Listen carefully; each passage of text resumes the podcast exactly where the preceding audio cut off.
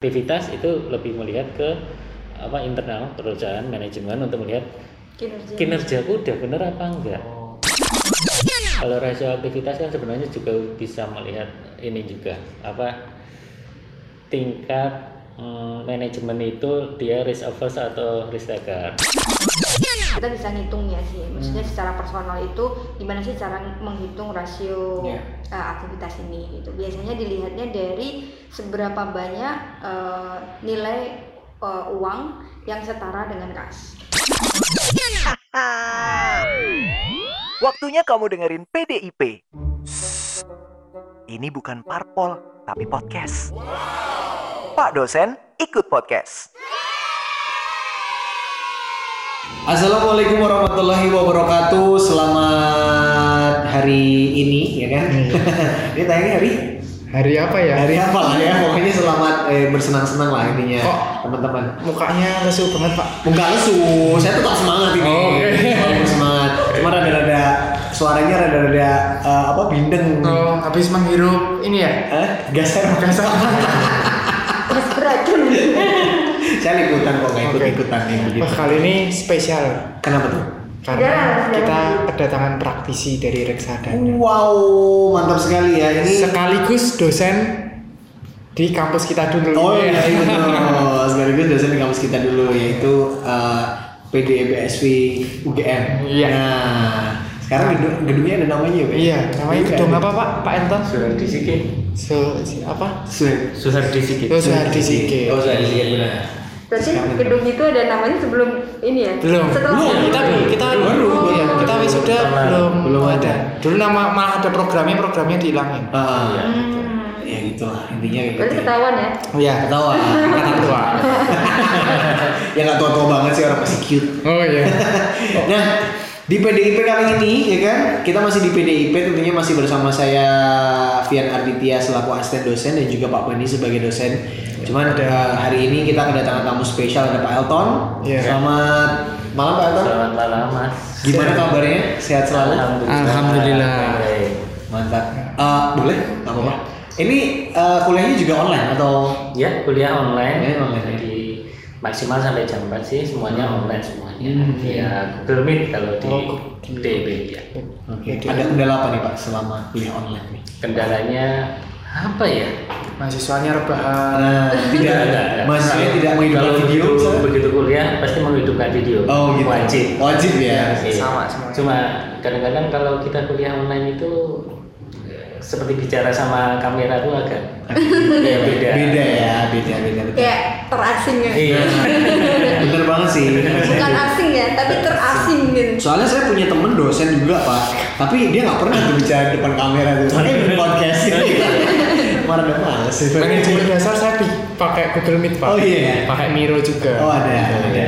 Terus juga kita masih bersama Mbak Aci. Gimana Mbak Aci kabarnya sehat?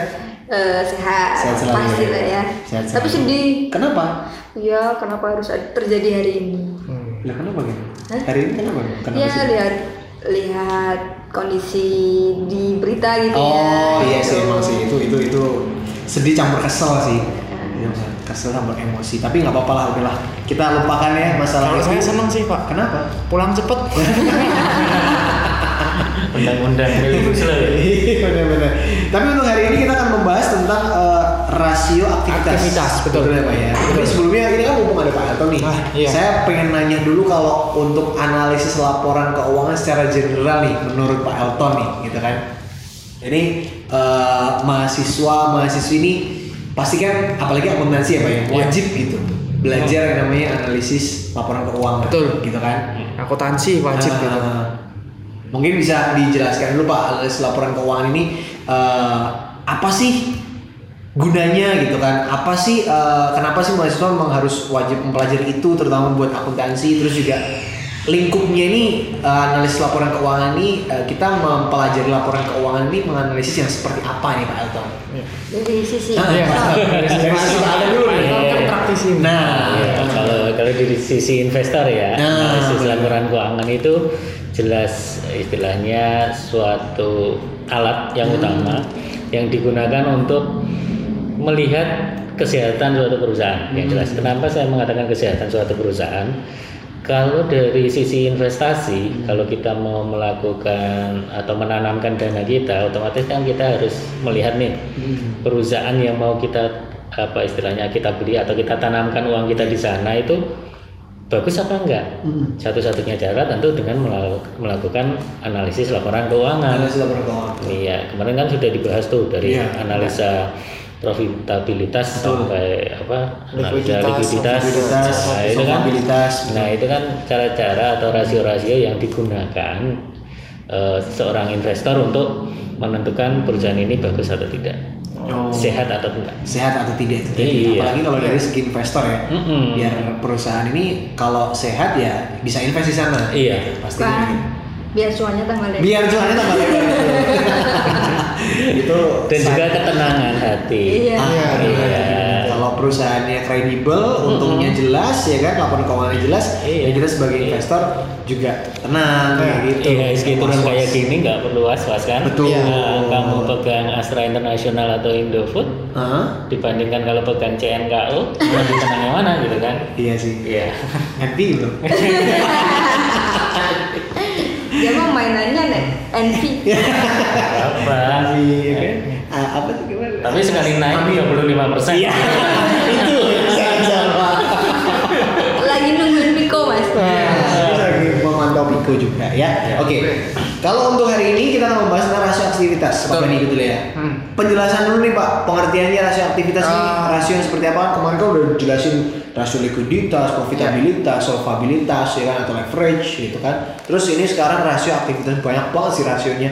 Kalau aktivitas ini rasio yang eh, gunanya untuk apa? Pengertiannya seperti apa Pak? Oke, sebenarnya dilihat dari katanya ya aktivitas. Aktivitas. Aktivitas itu berarti kegiatan bisnisnya si perusahaan tersebut. Yes, Nah, betul. gitu. Jadi uh, dari ka- kata kunci aktivitas itu akhirnya kita bisa melihat seberapa baik sih uh, perusahaan tersebut itu uh, mengelola atau memutar uh, su- suatu sumber daya atau aset di perusahaan tersebut untuk mendapatkan kas itu kembali plus profitnya. Plus Sebenarnya profitnya, gitu. Ya. oke. Intinya cuman itu sih uh, kita bisa misal kita jadi uh, investor ya kita ngelihat uh, uh, tingkat efektivitas dan efisiensinya perusahaan dalam uh, memutarkan kas itu Ah. seperti apa sih? Ah. Sebenarnya hanya itu. Jadi yang paling utama itu uh, kasnya diputerin atau enggak. Oke, Gitu. tujuannya apa Pak? Ketika kita tahu kalau perusahaan itu memutarkan kasnya, Ya, kasnya intinya aktivitas. gini, kalau kasnya nggak cepat-cepat diputar, Yes. kita juga rugi dong. Oke, gitu. Hmm. Rugi dalam artian eh, kas itu kalau kita eh, simpan terus, Ya. eh, mungkin nggak di bank ya, misal di eh, di cash on hand misal ya, Hmm. Yes. Eh, nggak diputarkan ya kita ru- rugi dalam artian kena nilai mata uangnya. Kena nilai mata uang. Ya, har- harusnya bi- bisa kita investasikan, kita dapat future value-nya, Oh. bisa kita belikan persediaan, harganya mungkin persediaan sekarang eh, bahan baku, Ah. kita belikan bahan baku mungkin sekarang bahan bakunya murah, nah ternyata besok mahal, nah itu adalah eh, ketik- eh, kerugian dari eh, menyimpan uang di ya mungkin di cash on hand. Kalau di bank paling eh, kita dapat bunga, tapi kan bunganya nggak sebesar kita investasi atau mem- memutarkan lagi ke bagian operasi dan lain sebagainya gitu. Oke. Nah, contohnya juga misal kalau persediaan kita nggak kita putar lah intinya, persediaan eh, nganggur nih di gudang, Iya. pasti kena depresiasi juga dong Iya, persediaannya. betul. Gitu. Hmm. Jadi eh, ya mungkin eh, ada yang cepat expired dan lain Hmm. sebagainya. Nah itu harus bisa dipikirkan. Nah itu kenapa gunanya kita menggunakan ak- rasio aktivitas. Ada juga untuk eh, melihat yang namanya penagihan piutang. Hmm. Nah perusahaan itu ketika nagih piutang tuh efektif nggak sih? Oh gitu. Atau mungkin dilihat dari auditor nanti kok perputaran piutangnya lama banget sih? Pas Hmm. dilihat ternyata wah ternyata hampir 95% itu piutang adalah transaksi pihak berelasi. Nah, itu sebagai uh, tanda tanya. Itu dari kecurigaan. Iya, Hmm. bisa seperti itu. Nah, kasnya kenapa nggak diputerin?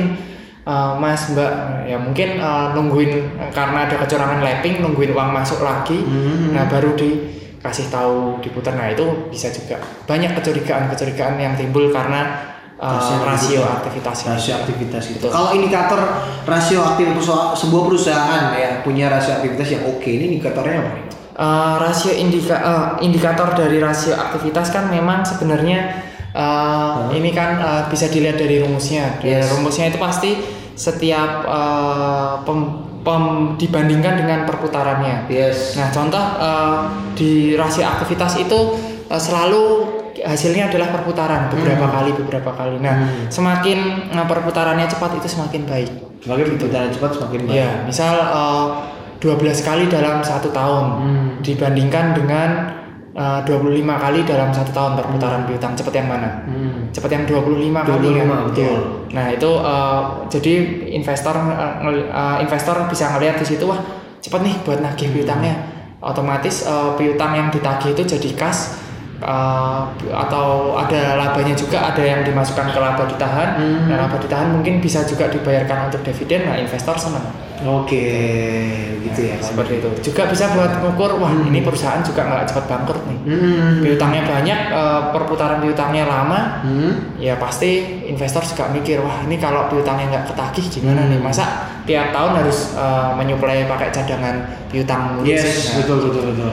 Seperti itu Oke, menarik sekali ya rasio aktivitas Ya. eh, putaran kas gitu. Kalau dari segi investor nih, Pak iya. rasio aktivitas ini seperti apa dan eh, dari segi investor ini melihatnya seperti apa gitu? Ya, kalau dari segi apa dari sisi investor itu Yes. sebenarnya rasio aktivitas hampir mirip dengan yang disampaikan tadi yaitu untuk melihat seberapa efisien atau eh, perusahaan untuk mengelola asetnya, Iya. gitu kan. Jadi semakin eh, banyak atau semakin besar eh, rasionya itu berarti semakin bagus. Nah, eh, tapi sebenarnya rasio aktivitas ini itu mungkin jauh lebih berguna untuk internal manajemen Oh, sebenarnya dibandingkan investor ya. Oke. Kalau investor itu biasanya akan melihatnya hanya ke profitabilitas, Aktivitas, kemudian likuiditas sama solvabilitas. solvabilitas. Biasanya se- seperti itu. Iya.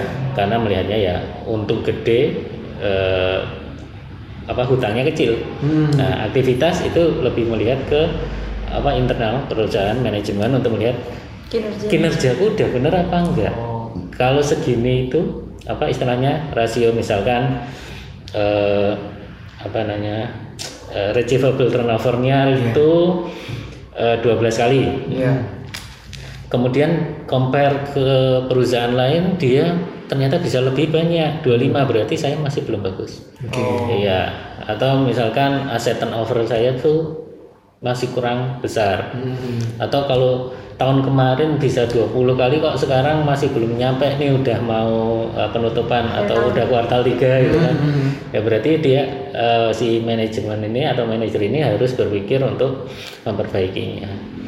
Nah kalau jadi dari sisi internal lebih Yes. untuk perbaikan. Kalau dari sisi investor cukup untuk melihat oh berarti uh, si manajer ini bagus kerjanya gitu kan. Oh, Nah, lebih ke situ manajemennya bagus ah manajemennya bagus kerjanya bagus kalau dari segi investor, Investor, gitu ya. iya. Kalau dari personal finance, personal Finance. fin- personal plan, financial planner. Nah, sebenarnya kalau untuk personal Yes. ya eh, sama sih intinya tuh sama di mana kalau ada uang ya yang cukup banyak Hmm. dan ternyata itu tidak dioptimalkan oh. tidak memberikan nilai tambah buat uh, nilai aset kita Hmm. gitu itu itu uh, artinya ya kita rugi dengan waktu Betul. ya karena kan setiap tahun di Indonesia pasti ada inflasi Yes. ya kan kalau uangnya hanya di tabungan atau di deposito Mhm. jelas rate-nya di bawah di jauh di bawah inflasi kan Oke. gitu artinya uang ini suatu saat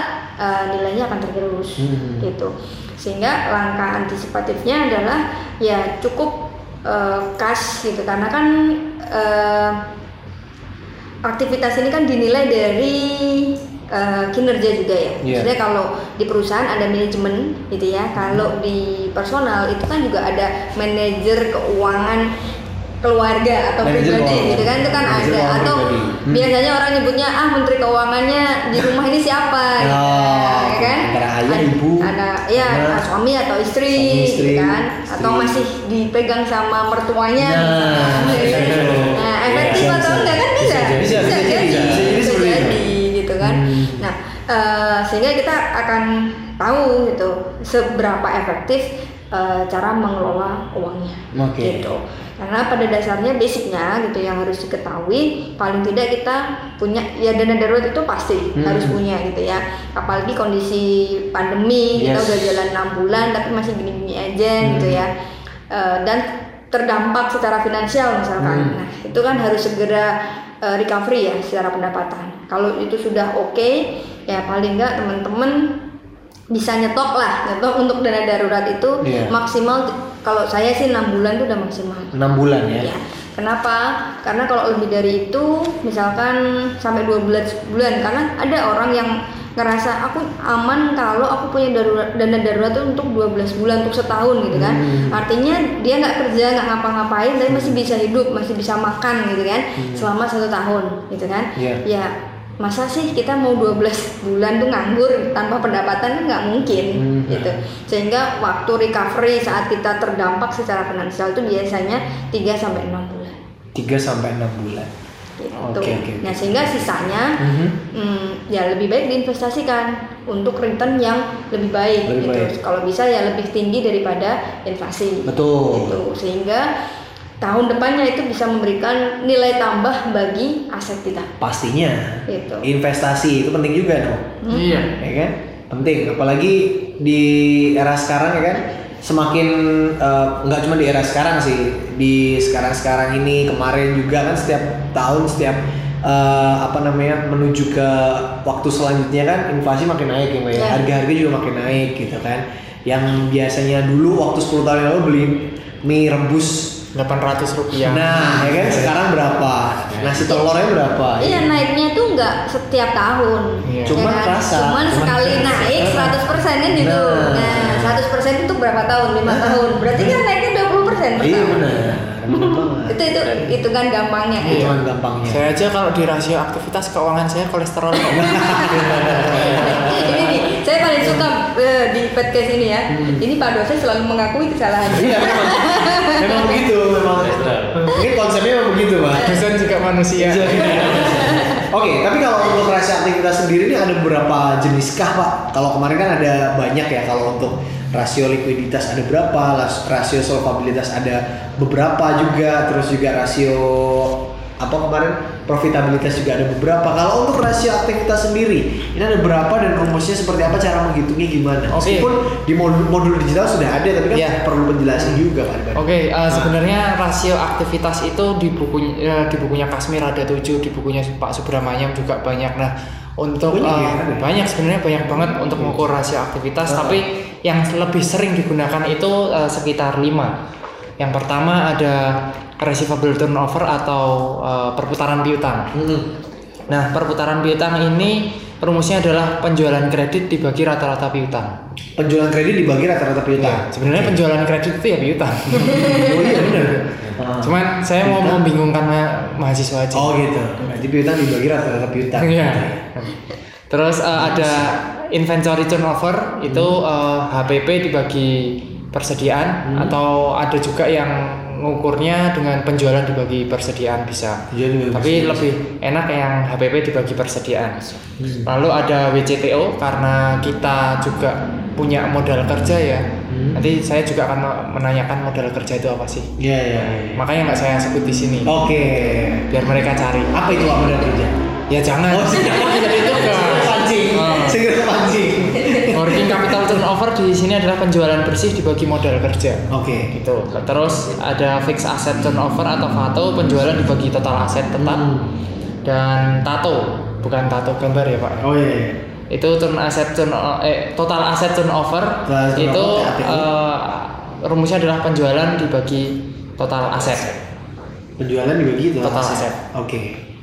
Itu lima lima Ah, itu. Iya, lima. Jadi eh, ya kalau mau dibuat ngukur internal, Hmm. katanya Pak El, eh, kalau Pak Elton tadi internal juga eh, bisa bisa Hmm. mengukur kinerja aktivitasnya. eh, pakai itu aja sudah cukup sebenarnya. Hmm. Lima itu sudah cukup karena yang pertama kalau suruh mengukur eh, karena piutang itu juga eh, sangat-sangat signifikan ya Pak ya. Hmm. Karena eh, nggak piutangnya nggak tertagih, mungkin bisa ya oke lah dijual piutangnya Pak. Hmm. Di- eh, kita menggunakan anjak piutang, oke lah. Tapi kalau misalnya tiap tiap kita dipiutangin tapi Yes. nggak pernah ditagih nah, Nah. itu juga jadi masalah Jadi masalah. makanya harus ada uh, pengukuran terkait tentang perputaran piutang perputaran bio. Nah, ada juga pengukuran terkait tentang perputaran uh, inventory atau persediaan karena uh, udah beli persediaan kok cuma dianggurin doang sih di Ah. gudang gitu. Apalagi yang nggak punya gudang biasanya mikirnya kan gitu. Oh, gitu ya. Kalau nggak punya gudang uh, ditaruh di kantor, Hmm. ditaruh di pinggir-pinggir nanti. Nah itu kan juga jadi bermasalah untuk uh, apa operasi uh, kegiatan operasi perusahaan gitu. Hmm. Jadi uh, udah beli ya harusnya cepat, udah beli bahan baku atau persediaan harusnya cepat cepat-cepat diproduksi biar nggak cepat expired dan kualitasnya mungkin ya bisa ke situ. Nah itulah uh, bisa di- diukur kinerja si manajemennya juga di situ. Oke, macam-macam juga ya. Oh ya macam-macam. rasio aktivitas menarik banget loh ini rasio aktivitas gitu kan Betul. memutarkan kas gitu Ya. lu belajarnya berapa lama Saya tujuh tahun pak. Tapi saya sa- satu-satunya dosen yang nggak pernah kumlot. Ah, kok bisa gitu Iya. Di D3 Nasakom. Pak Elton tahu Nasakom? Nasib satu koma Iya. jadi ya Nah, masalahnya saya dulu sama kalau pernah mengalaminya pasti tahu Iya. saya tahu ya Saya soalnya dulu sama Masih bawa di bawah-bawah sih ya, sama Asdos ini dulu Iya. eh, kutu-kutu, Pak. Oh, oh. lihat dulu Kuliah lihat dulu, kayak kupu-kupu ya Kayak kupu-kupu. Kalau Mbak Aci mungkin Cooper. apa tuh Kuliah perpus, kuliah perpus. enggak dia kuliah, bisnis Oh, kubis iya. dia. kuliah bisnis Kubis. kuliah bisnis Kuliah bisnis, tapi dapat duit. Ini dapat duit Oke, hmm kayaknya cuman sampai situ aja. rasio aktivitas masih gitu ya pak ya Iya. oh iya Ada yang lain, ada Ada tambahan dikit tambahan sih. sebenarnya kalau rasio aktivitas kan sebenarnya juga bisa melihat ini juga apa tingkat mm, manajemen itu dia risk averse atau risk taker Oh. Oke. itu kan bisa Ya, dilihatnya dari mana? dilihatnya dari Ah, misalkan kalau si iya. dia apa dilihat dari tingkat perputarannya tadi Oke, piutang kalau iya. dia ingin memaksimalkan kan dia pasti akan berani mengambil Iya, risiko piutangnya banyak piutangnya ya. digelontorkan banyak sekali betul. ya kayak kalau kita apa istilahnya eh, kebijakan uang ketat atau uang longgar Iya. nah itu kan digelontorkan tapi kan resikonya juga meningkat kalau nanti Iya. piutangnya nggak terlagi Betul. Seringnya kan gini, eh, beberapa case sih. Eh, kadang kan kadang perusahaan Indo itu kan punya anak perusahaan, Iya. ya kan? Dipiutangkannya itu ke Iya. anak perusahaan. Oh, Nah, gitu itu tadi transaksi pihak Iya. relasi. ya oh anak perusahaan yang di mana mungkin itu masih eh, apa ya bisa bermasalah atau sedang bermasalah atau eh, behind off lah. yes Gitu. yes Nanti kalau banyak piutangnya yang nggak tertagih langsung bikin kebijakan tight money policy. Iya, Iya. betul. Makanya itu. Oh, gitu. Luar Itu biasa yang ya, ditakutkan kan menarik. Hmm. resikonya. Tapi kalau sangat berhati-hati pun nggak bagus juga. Oh, Jika perputarannya jadi rendah, potensi keuntungannya menjadi berkurang kan iya kan? oke. Karena eh, kalau piutang ini kan si pembeli juga nggak hari itu juga bisa punya uang Iya. juga. gitu. Ada temponya. Iya, jadi mau meningkatkan penjualan ya otomatis juga harus meningkatkan penjualan kredit gitu ya, Betul. Pak. Oke. Mbak Aji mungkin ada tambahan soal rasio aktivitas? Ya paling mungkin rasio kita bisa ngitung ya sih. Maksudnya secara personal itu gimana sih cara menghitung rasio Iya. eh, aktivitas ini gitu. Biasanya dilihatnya dari seberapa banyak eh, nilai eh, uang yang setara dengan kas. Nilai uang setara dengan kas yang kita punya ya pastinya. Ya, kas atau setara dengan kas. Kas atau setara dengan kas. Bisa ditam- bisa cash on hand, Iya. ya bisa. Jadi artinya kas tuh kalau di keuangan kan bukan berarti uangnya harus Hmm. cash ya gitu, tapi bisa juga dia bentuknya tabungan atau deposito. Yes, Gitu. betul. Intinya dia mudah untuk dicairkan. Iya. Terus nanti dibagi dengan total asetnya. Hmm. Kalau pembaginya itu kurang dari 10%, artinya dia tidak liquid. Tadi Hmm. pers- eh, artinya dana daruratnya kurang. Oke. Salah satunya itu. Nah, kalau lebih dari 20%, ya, pasti tadi range-nya akan lebih dari enam bulan Lebih untuk hidup, enam. gitu kan? Nah, itu eh, juga tidak efektif. Hmm. Kenapa? Karena terlalu banyak uang yang eh, ngendon ya Iya, bahasanya ngendon. Jadi maksudnya eh, nggak bergerak dan tidak memberikan hasil yang lebih optimal lagi Hmm. gitu. Jadi ya di tengah-tengah aja gitu. Memang sih eh, lebih besar persentasenya bagus gitu kan, tapi ya itu tadi uangnya nggak bergerak sama kayak di perusahaan gitu begitu kasnya banyak itu kan bagus gitu kan tapi kamu nggak efektif secara eh, pengelolaan keuangannya kan gitu Gitu, sama. Oke, menarik sekali materi rasio aktivitas ini Pak Beni ya. Iya. Kira-kira, saya uh, dulu paling sebenarnya paling benci sama rasio aktivitas. Loh, kenapa gitu? Di kampus kan. Simpel kok lebih simpel. Iya, simpel tapi eh, nanti kalau suruh analisis kok bisa cepet, wah ini terlalu cepet nih. Terus ini terlalu lambat lah, yang benar yang mana? Ya bilang aja mungkin pemilik perusahaan terlalu passion Pak. Sama yang dikatakan Pak Irfan tadi. Iya. Eh, oh ini manajemennya risk taker atau Nah, enggak? nah itu dia tadi Ya kan. sama kalau eh, manajer keuangan di rumahnya atau Nah. menteri keuangan yang di rumah itu eh, termasuk profilnya itu risk taker atau Nah. eh, profilnya yang low risk. Nah, Pak Beni jangan gitu. Risk taker tentang risk taker terus Eh, enggak, saya low risk. Nah, Saya low risk. Oh enggak ya? Low risk. Low risk. ya? Dosen. Dosen. Dosen, saya nggak kayak anda. Kenapa? Saya Anda risk risk taker. taker. Risk taker tapi taker risknya terus gitu. So- soalnya Nggak taker. uh, deketin cewek, Hah? ambil risk taker lagi deketin. Iya, iya. Ya, kita kan harus menjaring sebanyak-banyaknya lingkungan betul ya. Pak? diversifikasi kan Nah, diversifikasi ya, demen saya. Eh, ada taker juga. Next, Pak Anton, eh, kita ngobrol-ngobrol lagi ya Pak jadinya? Biar asik gitu. Baiklah kalau begitu terima Iya. kasih Pak Bani atas Iya, materinya. Terima kasih. Pak Anton terima kasih banyak. Terima kasih, Mas sama-sama. Bani, Mas Sudah Tia. jadi Mbak Ci terima kasih juga. special case. Mantap sekali. Jadi hari ini itu semua punya eh, spesifikasi Betul. ya, Hmm. keahliannya masing-masing Iya, ya. Baru kali ini lengkap loh. Lengkap. Kemarin Iya, ada yang betul. double fungsi tuh. Double Iya. fungsi, betul sekali. Gara-gara jadwal nih. Oke oke oke oke. Baiklah kalau begitu terima kasih buat teman-teman yang sudah mendengarkan. Jangan lupa untuk selalu mendengarkan PDIP ya gimana nggak mendengarkan orang Iya. materi kuliah. Iya, dikaryakan mahasiswa. Sampai jumpa lagi di episode selanjutnya. Selanjutnya kita akan membahas rasio apa? Rasio nilai pasar. Apa lagi itu ya? Rasio nilai pasar. Kayaknya kalau rasio nilai pasar Pak Elton jago banget. Wah bisa nih. Iya. Ya nanti kita nanti kita Pak, ya. Baiklah sekali lagi terima kasih untuk teman-teman dan kita ketemu lagi di episode selanjutnya. Wassalamualaikum warahmatullahi wabarakatuh. Bye bye. Eits, jangan sampai ketinggalan di episode selanjutnya ya. Sampai ketemu lagi. Bye-bye.